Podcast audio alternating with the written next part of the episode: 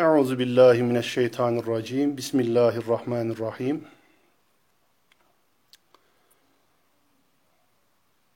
Konuşmama hepinize hayırlı akşamlar dileklerimle başlıyorum. Değerli takipçiler, Darül Faide Derneği'nin özellikle Zeynep Hanım ile Handan Hoca Hanım'ın gayretleri ile bugüne kadar mahremiyet ile ilgili bir dizi seminer gerçekleştirildi. Öncelikle bu hizmette emeği geçenlere teşekkürlerimi sunuyorum. Bu seminerler vesilesiyle birbirinden kıymetli, alanında uzman hocalarımız mahremiyet konusunu değişik yönleriyle ele aldı. Bendeniz de bu akşam mahremiyeti Kur'an sünnet açısından değerlendirirken daha ziyade İslam hukuku ile alakalı yönlerine değinmeye çalışacağım. Bu bağlamda öncelikle mahremiyetin İslam hukuku açısından tanımını yapacağım. Daha sonra sırasıyla kişisel özel alan dokunulmazlığı, mesken ve yatak odası mahremiyetini kapsayan aile mahremiyeti, mahremiyetin ihlali ve sırların ifşası, mahremiyetin mahfazası yani zırhı, haya ve takva duygusu konularını açıklamaya gayret edeceğim. Tabi önceki seminerlerde sıkça mahremiyetin tanımı yapıldı. Ancak bizim konumuzu İslam hukuku açısından değerlendirmemiz için biz de tekrar mahremiyetin bir tanımını yapalım, çerçevesini çizelim düşüncesindeyim. E, mahrem kelimesi haram kelimesinden türemiştir. Haram ise sözlükte yasaklanmış, koruluk, yasak bölge, dince yasak edilmiş, din kurallarına aykırı olan anlamlarına gelmektedir.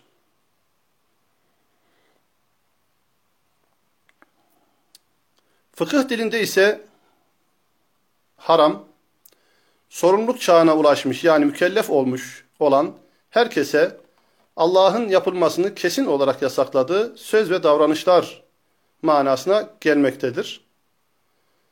Ee, biz bu sözlük ve anlamı itibariyle, e, fıkhi, fıkhi tanımı itibariyle harama kısaca helal olmayan şari tarafından yasaklanan şey diyebiliriz.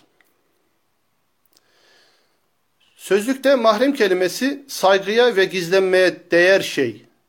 Diğer bir ifadeyle herkesin bilmesi gerekmeyen şey anlamına gelirken aile hukukunda aralarındaki kan bağının yakınlığından dolayı birbirleriyle evlenmeleri yasak olan çok yakın akrabalar manalarında kullanılmaktadır.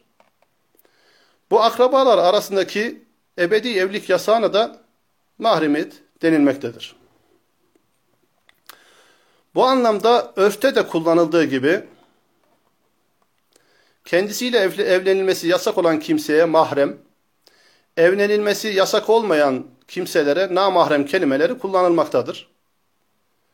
Bu açıklamalar dikkate alındığında İslam hukuku açısından mahrem ve mahremiyet kelimelerinin özellikle aile hukuku alanında daha özel bir kullanım kazandığını söyleyebiliriz. Aynı şekilde mahremiyet denilince akla insan bedeni için özellikle cinsel arzulara konu olması açısından kullanıldığında cinsel dokunulmazlık anlamına kullanıldığını ifade etmemiz gerekir. Bu durumda mahremiyet insan bedeninden bakılması, dokunulması veya hakkında konuşulması yasak olan bölgeleriyle ilgili dokunulmazlık halidir denilebilir. Özel anlamda akrabalar arasındaki ebedi evlilik yasağına mahremiyet denilirken, genel anlamda ise özel hayatın gizliliğine ve dokunulmazlığına mahremiyet denilmektedir. Bu anlamda mahremiyetin Türkçesi için belki de ki en doğru kullanım dokunulmazlık olacaktır. Fıkhi açıdan haram, mahrem ve mahremiyet denildiği zaman Allah'ın hudutlarından onun sınırlarından, onun koruluklarından bahsedilmektedir. Tüm bu açıklamalar ışığında mahremiyeti, sınırları Allah tarafından belirlenmiş ve dokunulmaz kılınmış, bireyin kendine özel alanı şeklinde tanımlayabiliriz. İslam'da yasaklanan bir şey için haram kelimesi kullanıldığını daha önce ifade etmiştik.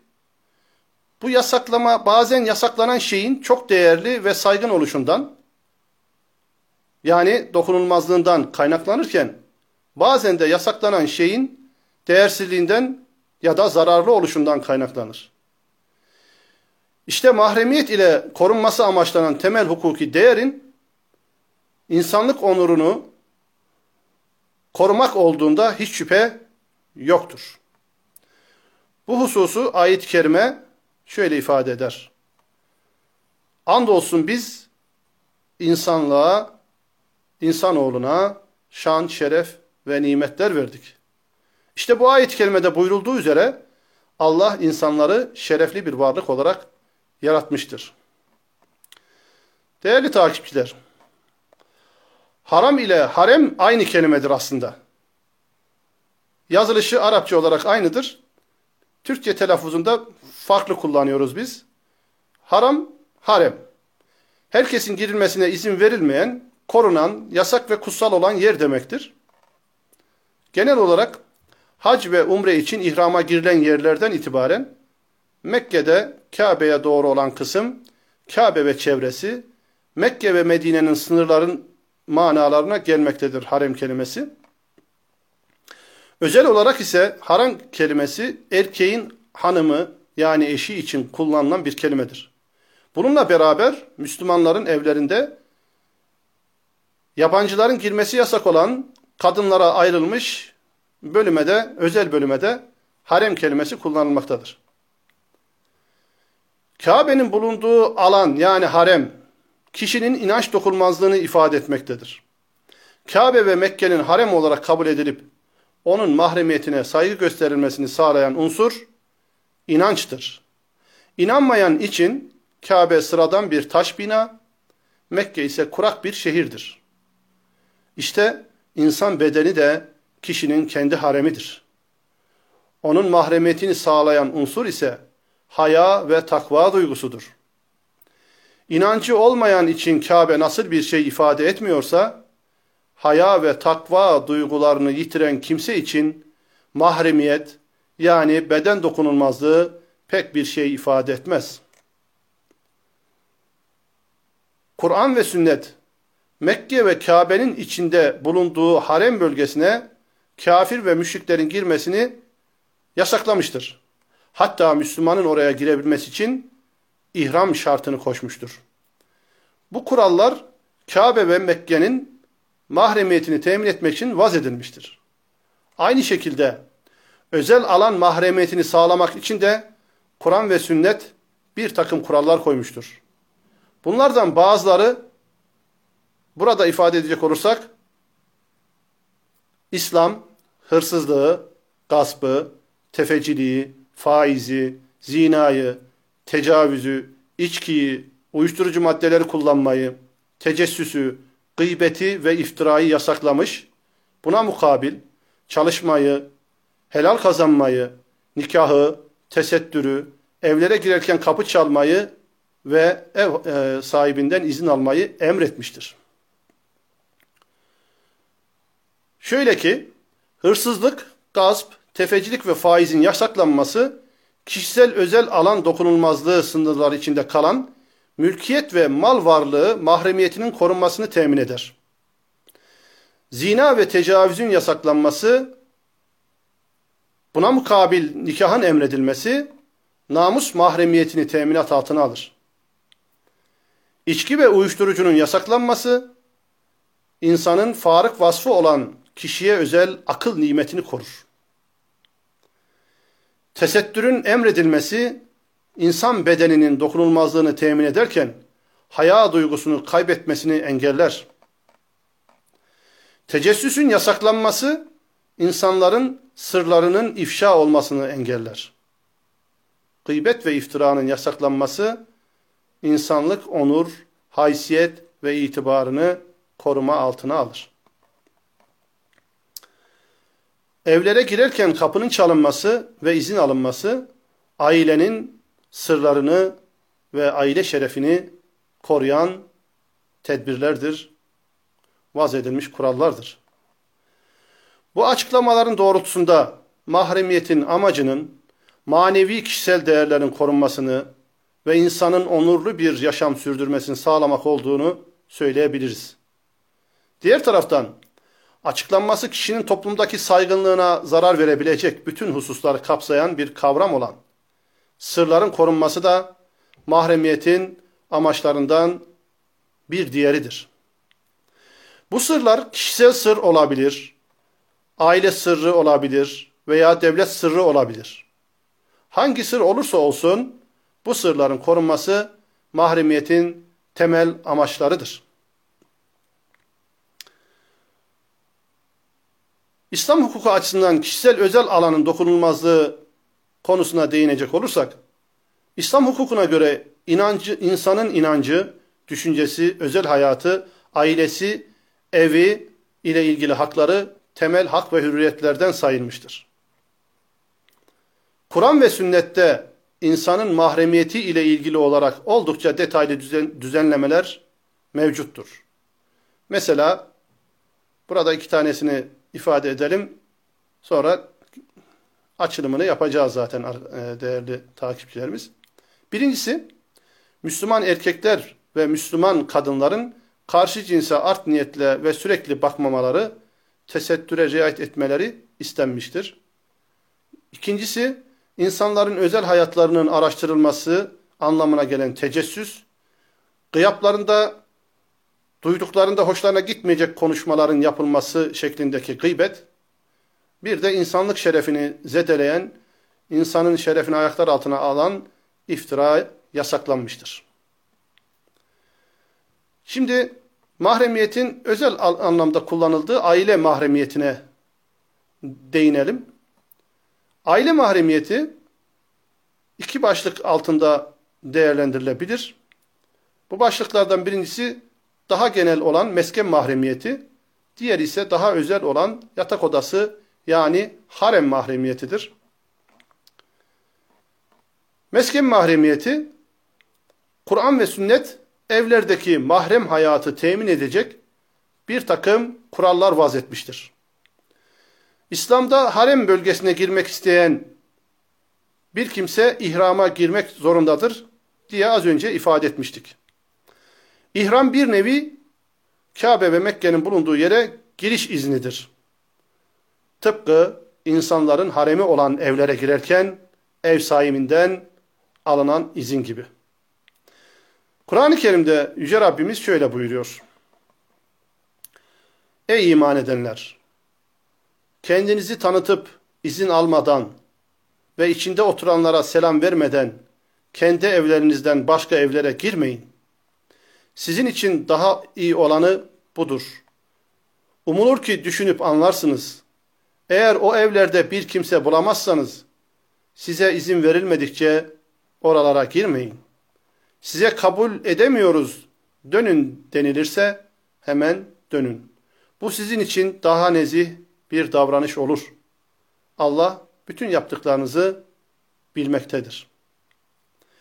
Bu ayeti kerimede mesken mahremiyetini temin edecek şu kuralların getirildiğini görüyoruz. Birincisi ev halkından, ev sahibinden izin almak. İkincisi izin verildiyse ev halkına selam vermek. Üçüncüsü evde kimse yoksa eve girmemek, geri dönüp gitmek. Dördüncüsü ev sahibi izin vermediğinde ve eve kabul edemeyeceğini söylediğinde geri dönmek, ısrarcı olmamak. Ayetlerde buyurulan izin istemenin sebebini bir hadiste Peygamberimiz sallallahu aleyhi ve sellem şöyle açıklamıştır. İzin istemek gözü bazı görüntülerden korunmak içindir. Korumak içindir. Yani hane halkının mahremini e, görmemek içindir. Yine izinsiz başkasının evine bakmak yasaktır buyuran Peygamberimiz kendi evine izinsiz bakanlara yönelik bir takım maddi yaptırımlarda bulunabileceği uyarısında ve tehdidinde bulunmuştur. Hatta Hazreti Peygamber sallallahu aleyhi ve sellem kapıyı çalıp isim vermeksizin ev sahibine sadece ben diyerek bir kişinin kendisini tanıtmasını hoş karşılamamıştır. Buna dair hadis-i şeriflerde, kaynaklarda mevcuttur. Hazreti Peygamber'in başkasına ait bir eve geldiğinde kapıya karşı yüzü dönük bir halde beklemesi, beklemesi de mesken mahremiyetine e, kapıya sırtını dönüyordu. Yüzü e, kapıya dönük değildi. Bu şekilde beklerdi Resulullah sallallahu aleyhi ve sellem. Bu da mesken mahremiyetine, dokunulmazlığına peygamberin gösterdiği saygıyı bizlere ifade ediyor. Demek ki bu konuda titiz davranmamız gerekiyor. Resulullah sallallahu aleyhi ve sellemin örnekliğine bakarak. Bu şekildeki bir tavırla da ev hayatına ait mahremiyetlerin görülmesinin e, önüne geçmiş e, olunur. Zaten hadislerde amaçlanan da budur. Ev hallerinin gizli araştırılması, konuşmaların gizli dinlenmesi, evin içine gizlice bakılması, tıpkı izinsiz girilmesi gibi dinen yasaklanan davranışlardır. Hz. Peygamber konuyla ilgili olarak kim izinsiz olarak bir topluluğun konuşmasını dinlerse kıyamet günü kulağına kurşun dökülür buyurmuştur. Burada zikrettiğimiz hadisin ışığında kulak misafiri olmak deyimine de bir parantez açmayı uygun görüyoruz. Zira bu ifade toplumda yaygın olarak kullanılmakta ve masum bir ifade olarak değerlendirilmektedir. Halbuki hadisi şerife göre kulak misafiri olmak da gizli dinlemenin diğer bir adıdır. Haram olan bir fiilin adının süslü ifadelerle kullanılması onu haram olmaktan çıkarmayacağı hususunu dikkatlerinize arz ediyorum. Konuyla ilgili yine bir rivayete göre Resulullah sallallahu aleyhi ve sellem bir gün e, evinde saçını tarıyordu. Adamın biri peygamberi görebilmek için kapı deliğinden bakıyor peygamberimize. Bunun üzerine Resulullah sallallahu aleyhi ve sellem adama şöyle diyor. Eğer senin bakıp gözetlediğini bilmiş olsaydım herhalde bu aleti gözüne batırırdım. Allah birisinin evine girmek için izin almayı gözden yani başkasının evine bakmaktan dolayı gerekli kılmıştır buyuruyor. Başka bir rivayette ise kendisine izin verilmeden bir perdeyi aralayıp da evin içine bakan kimse muhakkak ki kendisi için helal olmayan bir sınıra girmiştir. Böyle bir durumda ev sahibi olan bir kişi tarafından gözüne bir, ne bir şey atılıp da kör olsa heder olur, hiçbir cezası yoktur. Bu hadis mahremiyetin ihlali durumunda meşru müdafaanın caiz olduğunu İslam hukuku açısından ortaya koymaktadır. Şimdi mesken mahremiyetinden daha özel olan yatak odası mahremiyetiyle ilgili ayeti kerimelere, hadis-i şeriflere bakalım, göz atalım. Ayet-i kerimede Yüce Rabbimiz, Ey iman edenler! Elinizin altındaki hizmetçilerle, içinizden henüz ergenlik çağına gelmemiş olanlar, yanınıza gelmek için sizden üç vakitte izin alsınlar. Sabah namazından önce, öğle sıcağından dolayı istirahata çekilirken, elbisenizi çıkardığınızda ve yatsı namazından sonra, bunlar örtülmesi gereken yerlerinizin açık bulunabileceği üç vakittir. Bunlar dışında ne size ne de onlara bir sakınca vardır. Bunlar sıkça yanınıza girip çıkan, birbirinizle iç içe olduğunuz kimselerdir. Allah size ayetleri işte böyle açıklar. Allah her şeyi bilir, yerli yerinde yapar. Çocuklarınız ergenlik çağına gelince onlardan önceki ergenler nasıl izin alıyorlar idiyse onlar da öyle izin alsınlar. Allah ayetlerini işte size böyle açıklıyor. O her şeyi bilir, yerli yerinde yapar. Ayet-i kerime çok açık ifade ediyor. E, yatak odası açısından karı kocanın müsait olmadığı durumları, vakitleri genel olarak ifade ediyor. Ancak oradan anladığımız yatak odasına izinsiz çoluk çocuk olsa bile, ev halkından biri olsa, hizmetçi de olsa izinsiz girilmemesidir. Ee, bu ayet-i kerimede üç vakit özellikle net olarak söyleniyor. Ee, bu vakitlerin dışında da ev halkının çocuk da olsa anne babanın yanına odasına girerken izin alması gerektiği ifade ediliyor. Öyleyse çocuk ve hizmetçiler dahil olmak üzere ev halkından hiçbir kimsenin karı kocanın yatak odasına izin almadan giremeyeceği bu ayet-i kerimede açıkça ifade edilmiştir diyebiliriz.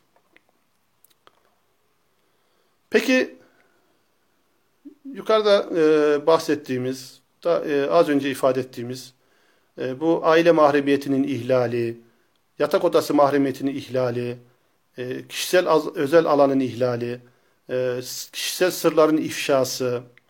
E, peki bunlarla ilgili neler diyebiliriz? Mahremiyetin ihlali ve sırlarının ifşası ile ilgili. İslam dini insanın temel hak ve hürriyetine, onun onur ve şerefine ve özel hayatın gizliliğine çok önem vermektedir. Bu husus ayet-i kerimede e, şöyle karşılık bulur.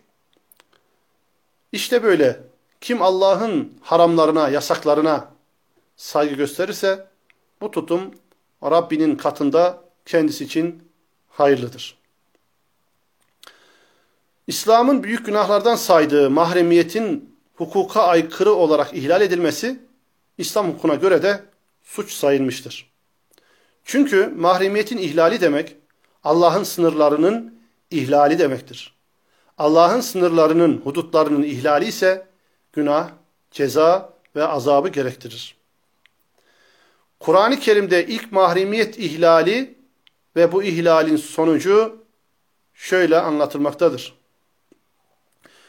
Malumunuz, ayet-i kerimeyi okumadan önce malum, e, kısa bir bilgi verelim. Malumunuz Hz. Adem ile Hz. Havva e, cennete yerleştirildiğinde allah Teala onlara bazı talimatlar verdi. Kurallar koydu. E, bildiğimiz kadarıyla birçok şeyi kullanma veya dokunma serbestken e, bir ağaca dokunmamaları gerektiğini yani o ağaca dokunmayı haram kıldı, yasakladı. E, işte Hazreti Adem ile Hazreti Havva e, bu har yasağı, haramı ihlal ettiler.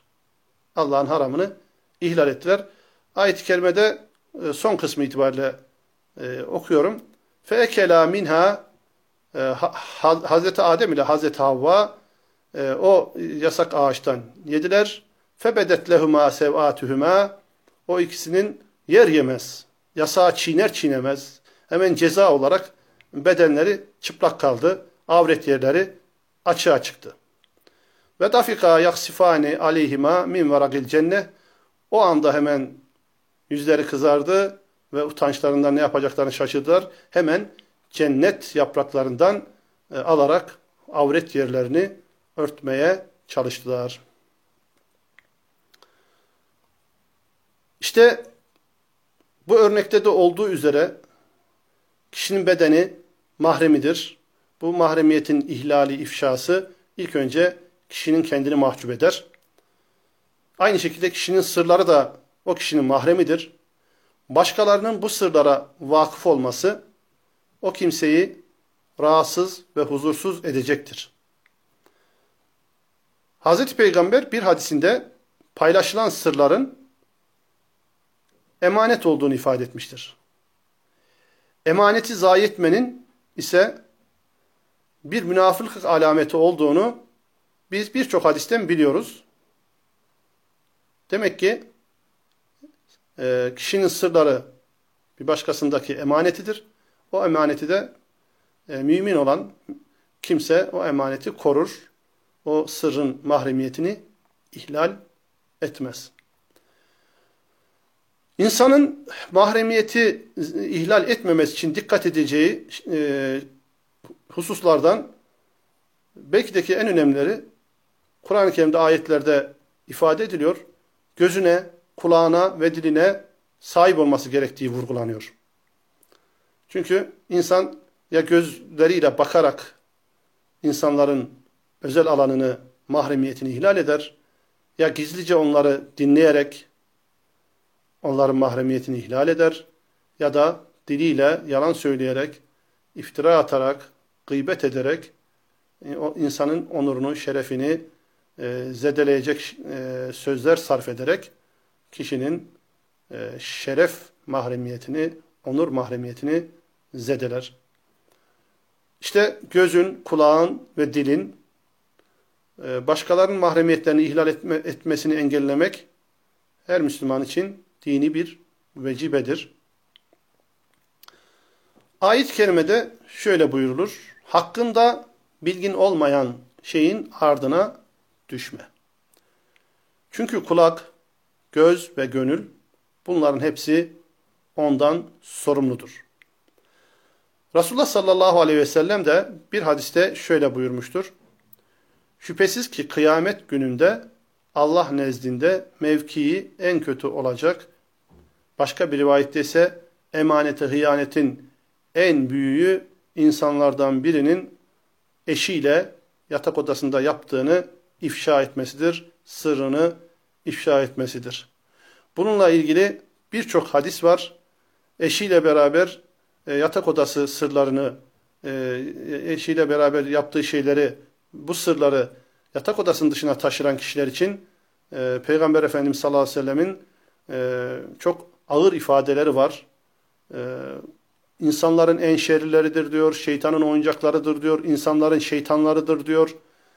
E, demek ki e, iki farklı birey nikah ile Allah'a söz verdiklerinde en önemli şey kendilerine haram olan şeyi sınırı geçecek helal e, etme sözünü verirken tabii ki artık bu iki kişinin birlikte bir sırrı oluşuyor. Bu sır işte e, yatak odası, aile mahremiyeti dediğimiz bu iki mahremiyetin e, en özelidir. Bu hususta Peygamber Efendimiz sallallahu aleyhi ve sellemin birçok uyarısı vardır. Dediğimiz gibi e, Kur'an-ı Kerim göze, kulağa ve dile çok dikkat çeker. Bunlar yaptıklarıyla ahirette e, hesaba çekilecektir der. Yine e, gözle ilgili, gözün korunmasıyla ilgili, gözün başkasının mahremiyetini ihlal etmemesiyle ilgili Nur suresinde 30 ve 31. ayetlerde peş peşe gözlerin harama bakması yasaklandığını e, görüyoruz. Yani başkasının mahremiyetini bakışlarla ihlal etmek dinen haram kılınmıştır. Özetle şöyle ki ayet-i kerimede Nur 30'da mümin erkeklere söyle gözlerini harama bakmaktan sakınsınlar. Hemen peşinden gelen Nur 31. ayette mümin kadınlara da söyle. Onlar da gözlerini harama bakmaktan sakınsınlar buyuruyor. Başka bir ayette de yine gözle birlikte e, dilin e, korunması, başkasına e, mahremiyetini ihlal etmesinin engellenmesi emri şu şekilde veriliyor Hucurat suresinde malumunuz. Ve la.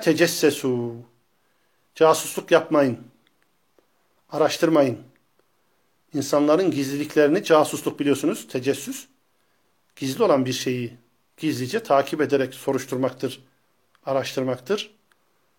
Casusluk yapmayın. Gizlice araştırmayın. Ve la yakteb ba'dukum ba'da. Birbirinizin gıybetini yapmayın.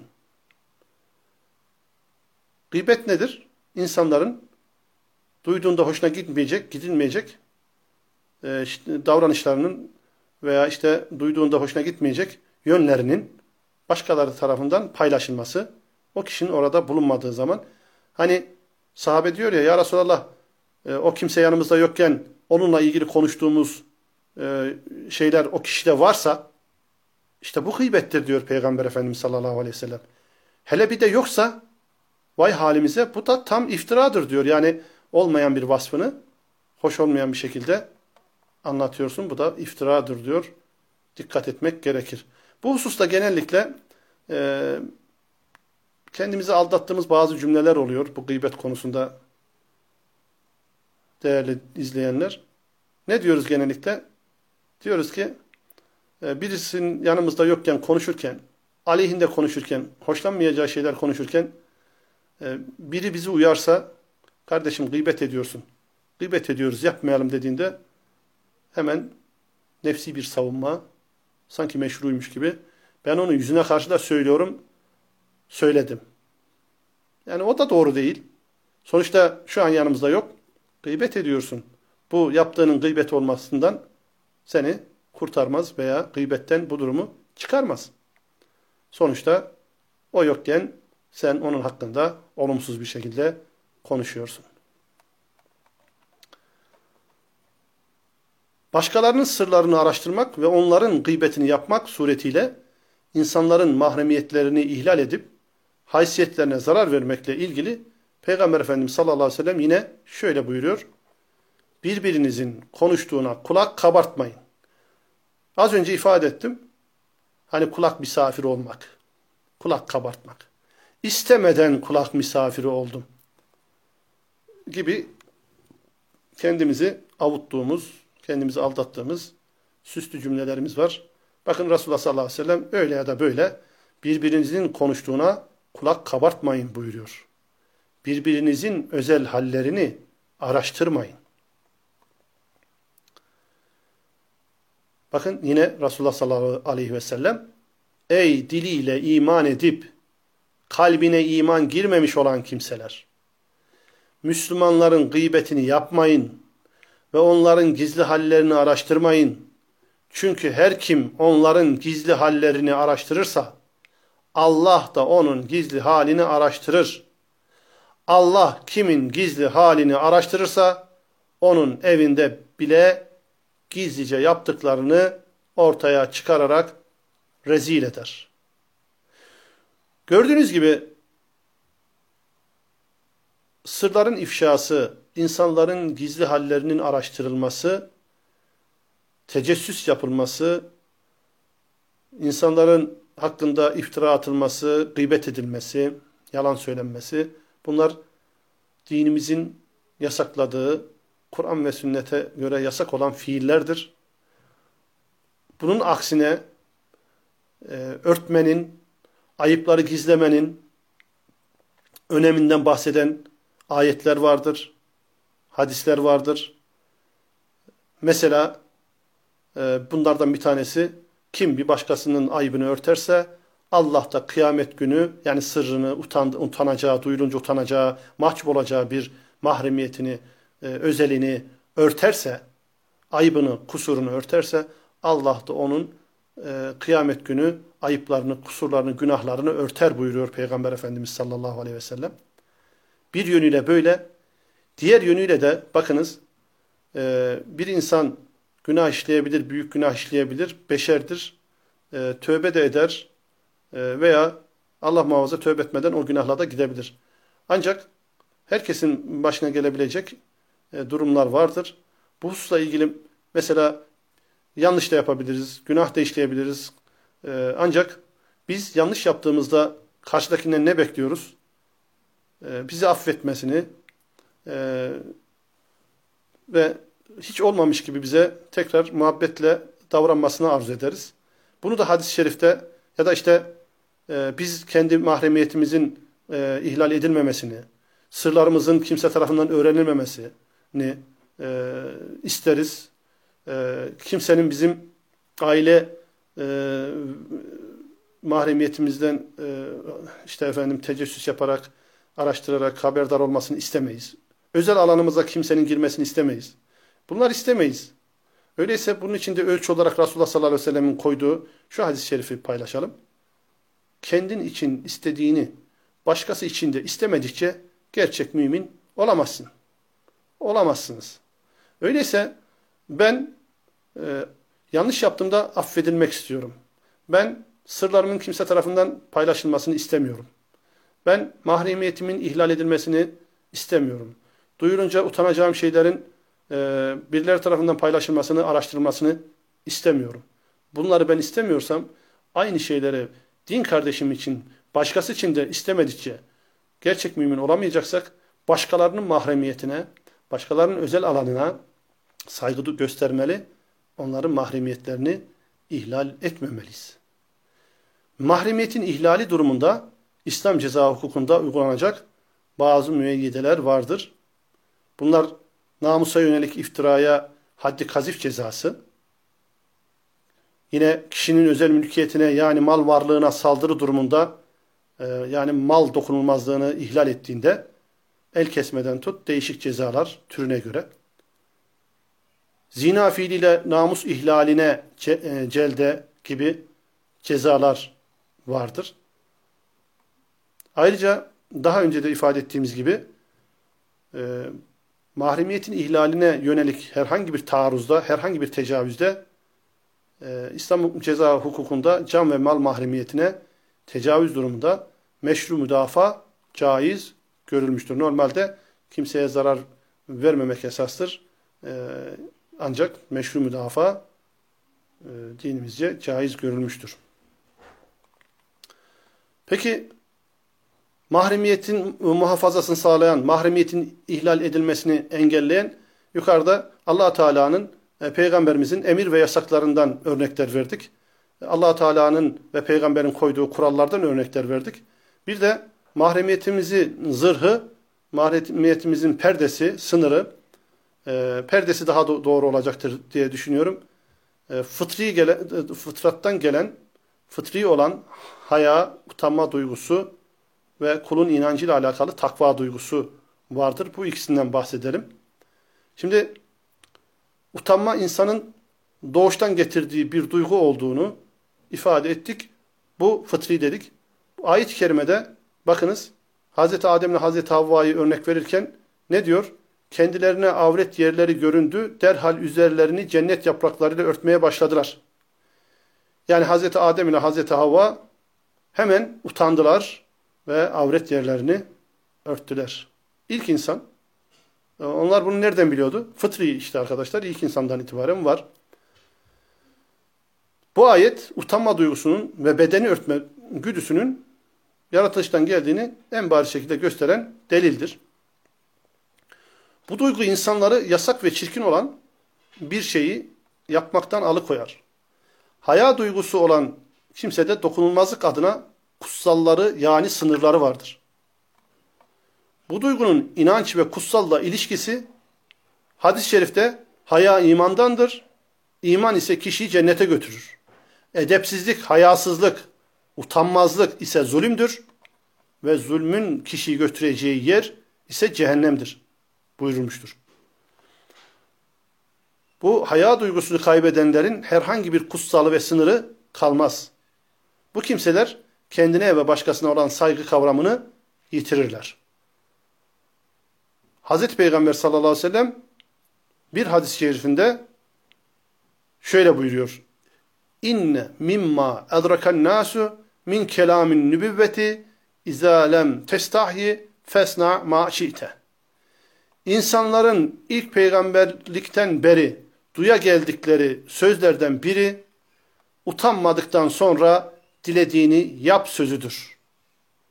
Bu hadise göre utanmayan insan her şeyi caiz görür, bir sınırı kalmaz, bir kutsalı kalmaz. Utanma duygusunu yitiren kimsenin, haya duygusunu kaybeden kimsenin herhangi bir mahremiyet sınırı ne kendisi için olur ne de bir başkası için olur diyebiliriz. Yani yine ayet-i kerimede Yüce Rabbimiz şöyle buyuruyor. Ey insanoğulları size ayıp yerlerinizi örtecek ve süslenmenizi sağlayacak elbiseler gönderdik. Takva elbisesi bunlardan daha hayırlıdır. Bu Allah'ın ayetlerinden biridir.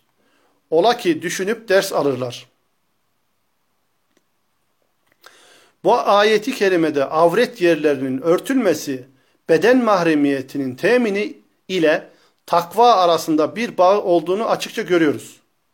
Çünkü her ikisi de giysi olarak takdim edilmiş. Takva kalbin ayıplarını örtüp onu tezin ederken tesettür ise, giysi ise bedenin ayıplarını örtüp ve onu bedeni tezin eder, süsler. Yine vücudun, bedenin çıplaklığından iğrenme ve utanma duygusu Allah'tan korkma duygusu olan takvadan ve ondan utanma duygusu demek olan hayadan kaynaklanır. Allah'tan utanmayan ve ondan korkmayan biri için çıplaklık herhangi bir şey ifade etmez.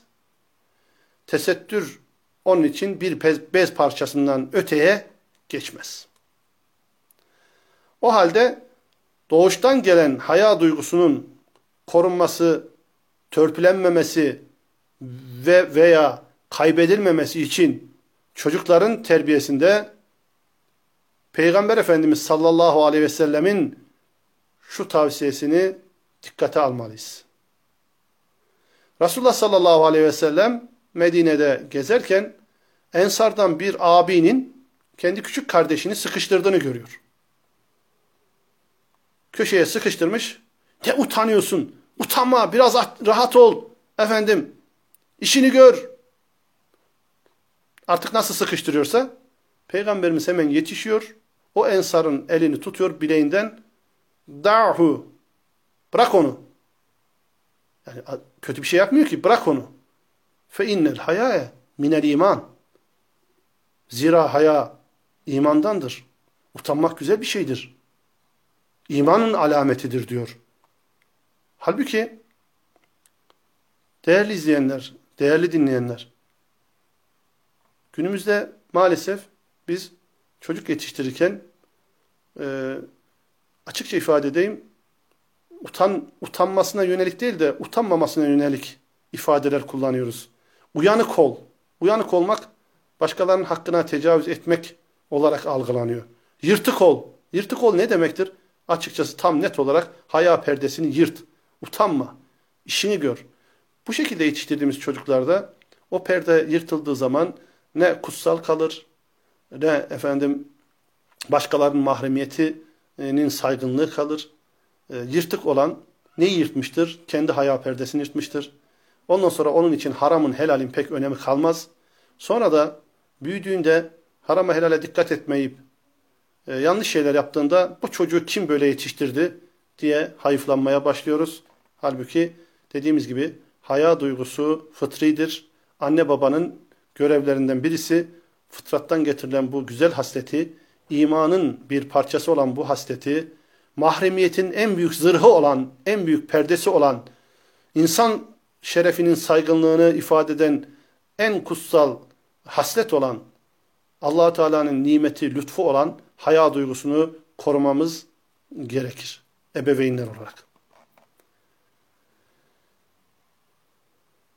Sözlerimizi toparlayacak olursak, Kur'an-ı Kerim'de çevrelerinde insanlar kapılıp götürülürken bizim Mekke'yi güvenli, dokunulmaz bir yer yaptığımızı görmediler mi?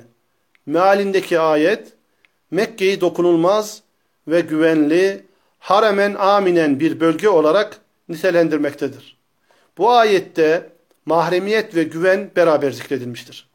Çünkü mahremiyete dikkat edildiğinde kişi kendini güvende hisseder. Güven duygusu insanın huzurunun en temel şartlarından birisidir. Kendini güvende hissetmeyen bir kimse tedirgin olur, huzursuz olur. Bu durum kişinin güvende ve huzurlu hissetmesi için onun mahremiyetine saygı göstermesinin şart olduğunu bizlere açıkça göstermektedir. Sözlerimi burada noktalarken dinlediğiniz için teşekkür ediyorum. Sizleri insanların sırlarını örten, settar ve gaffar olan Allah'a emanet ediyorum. Hayırlı geceler diliyorum.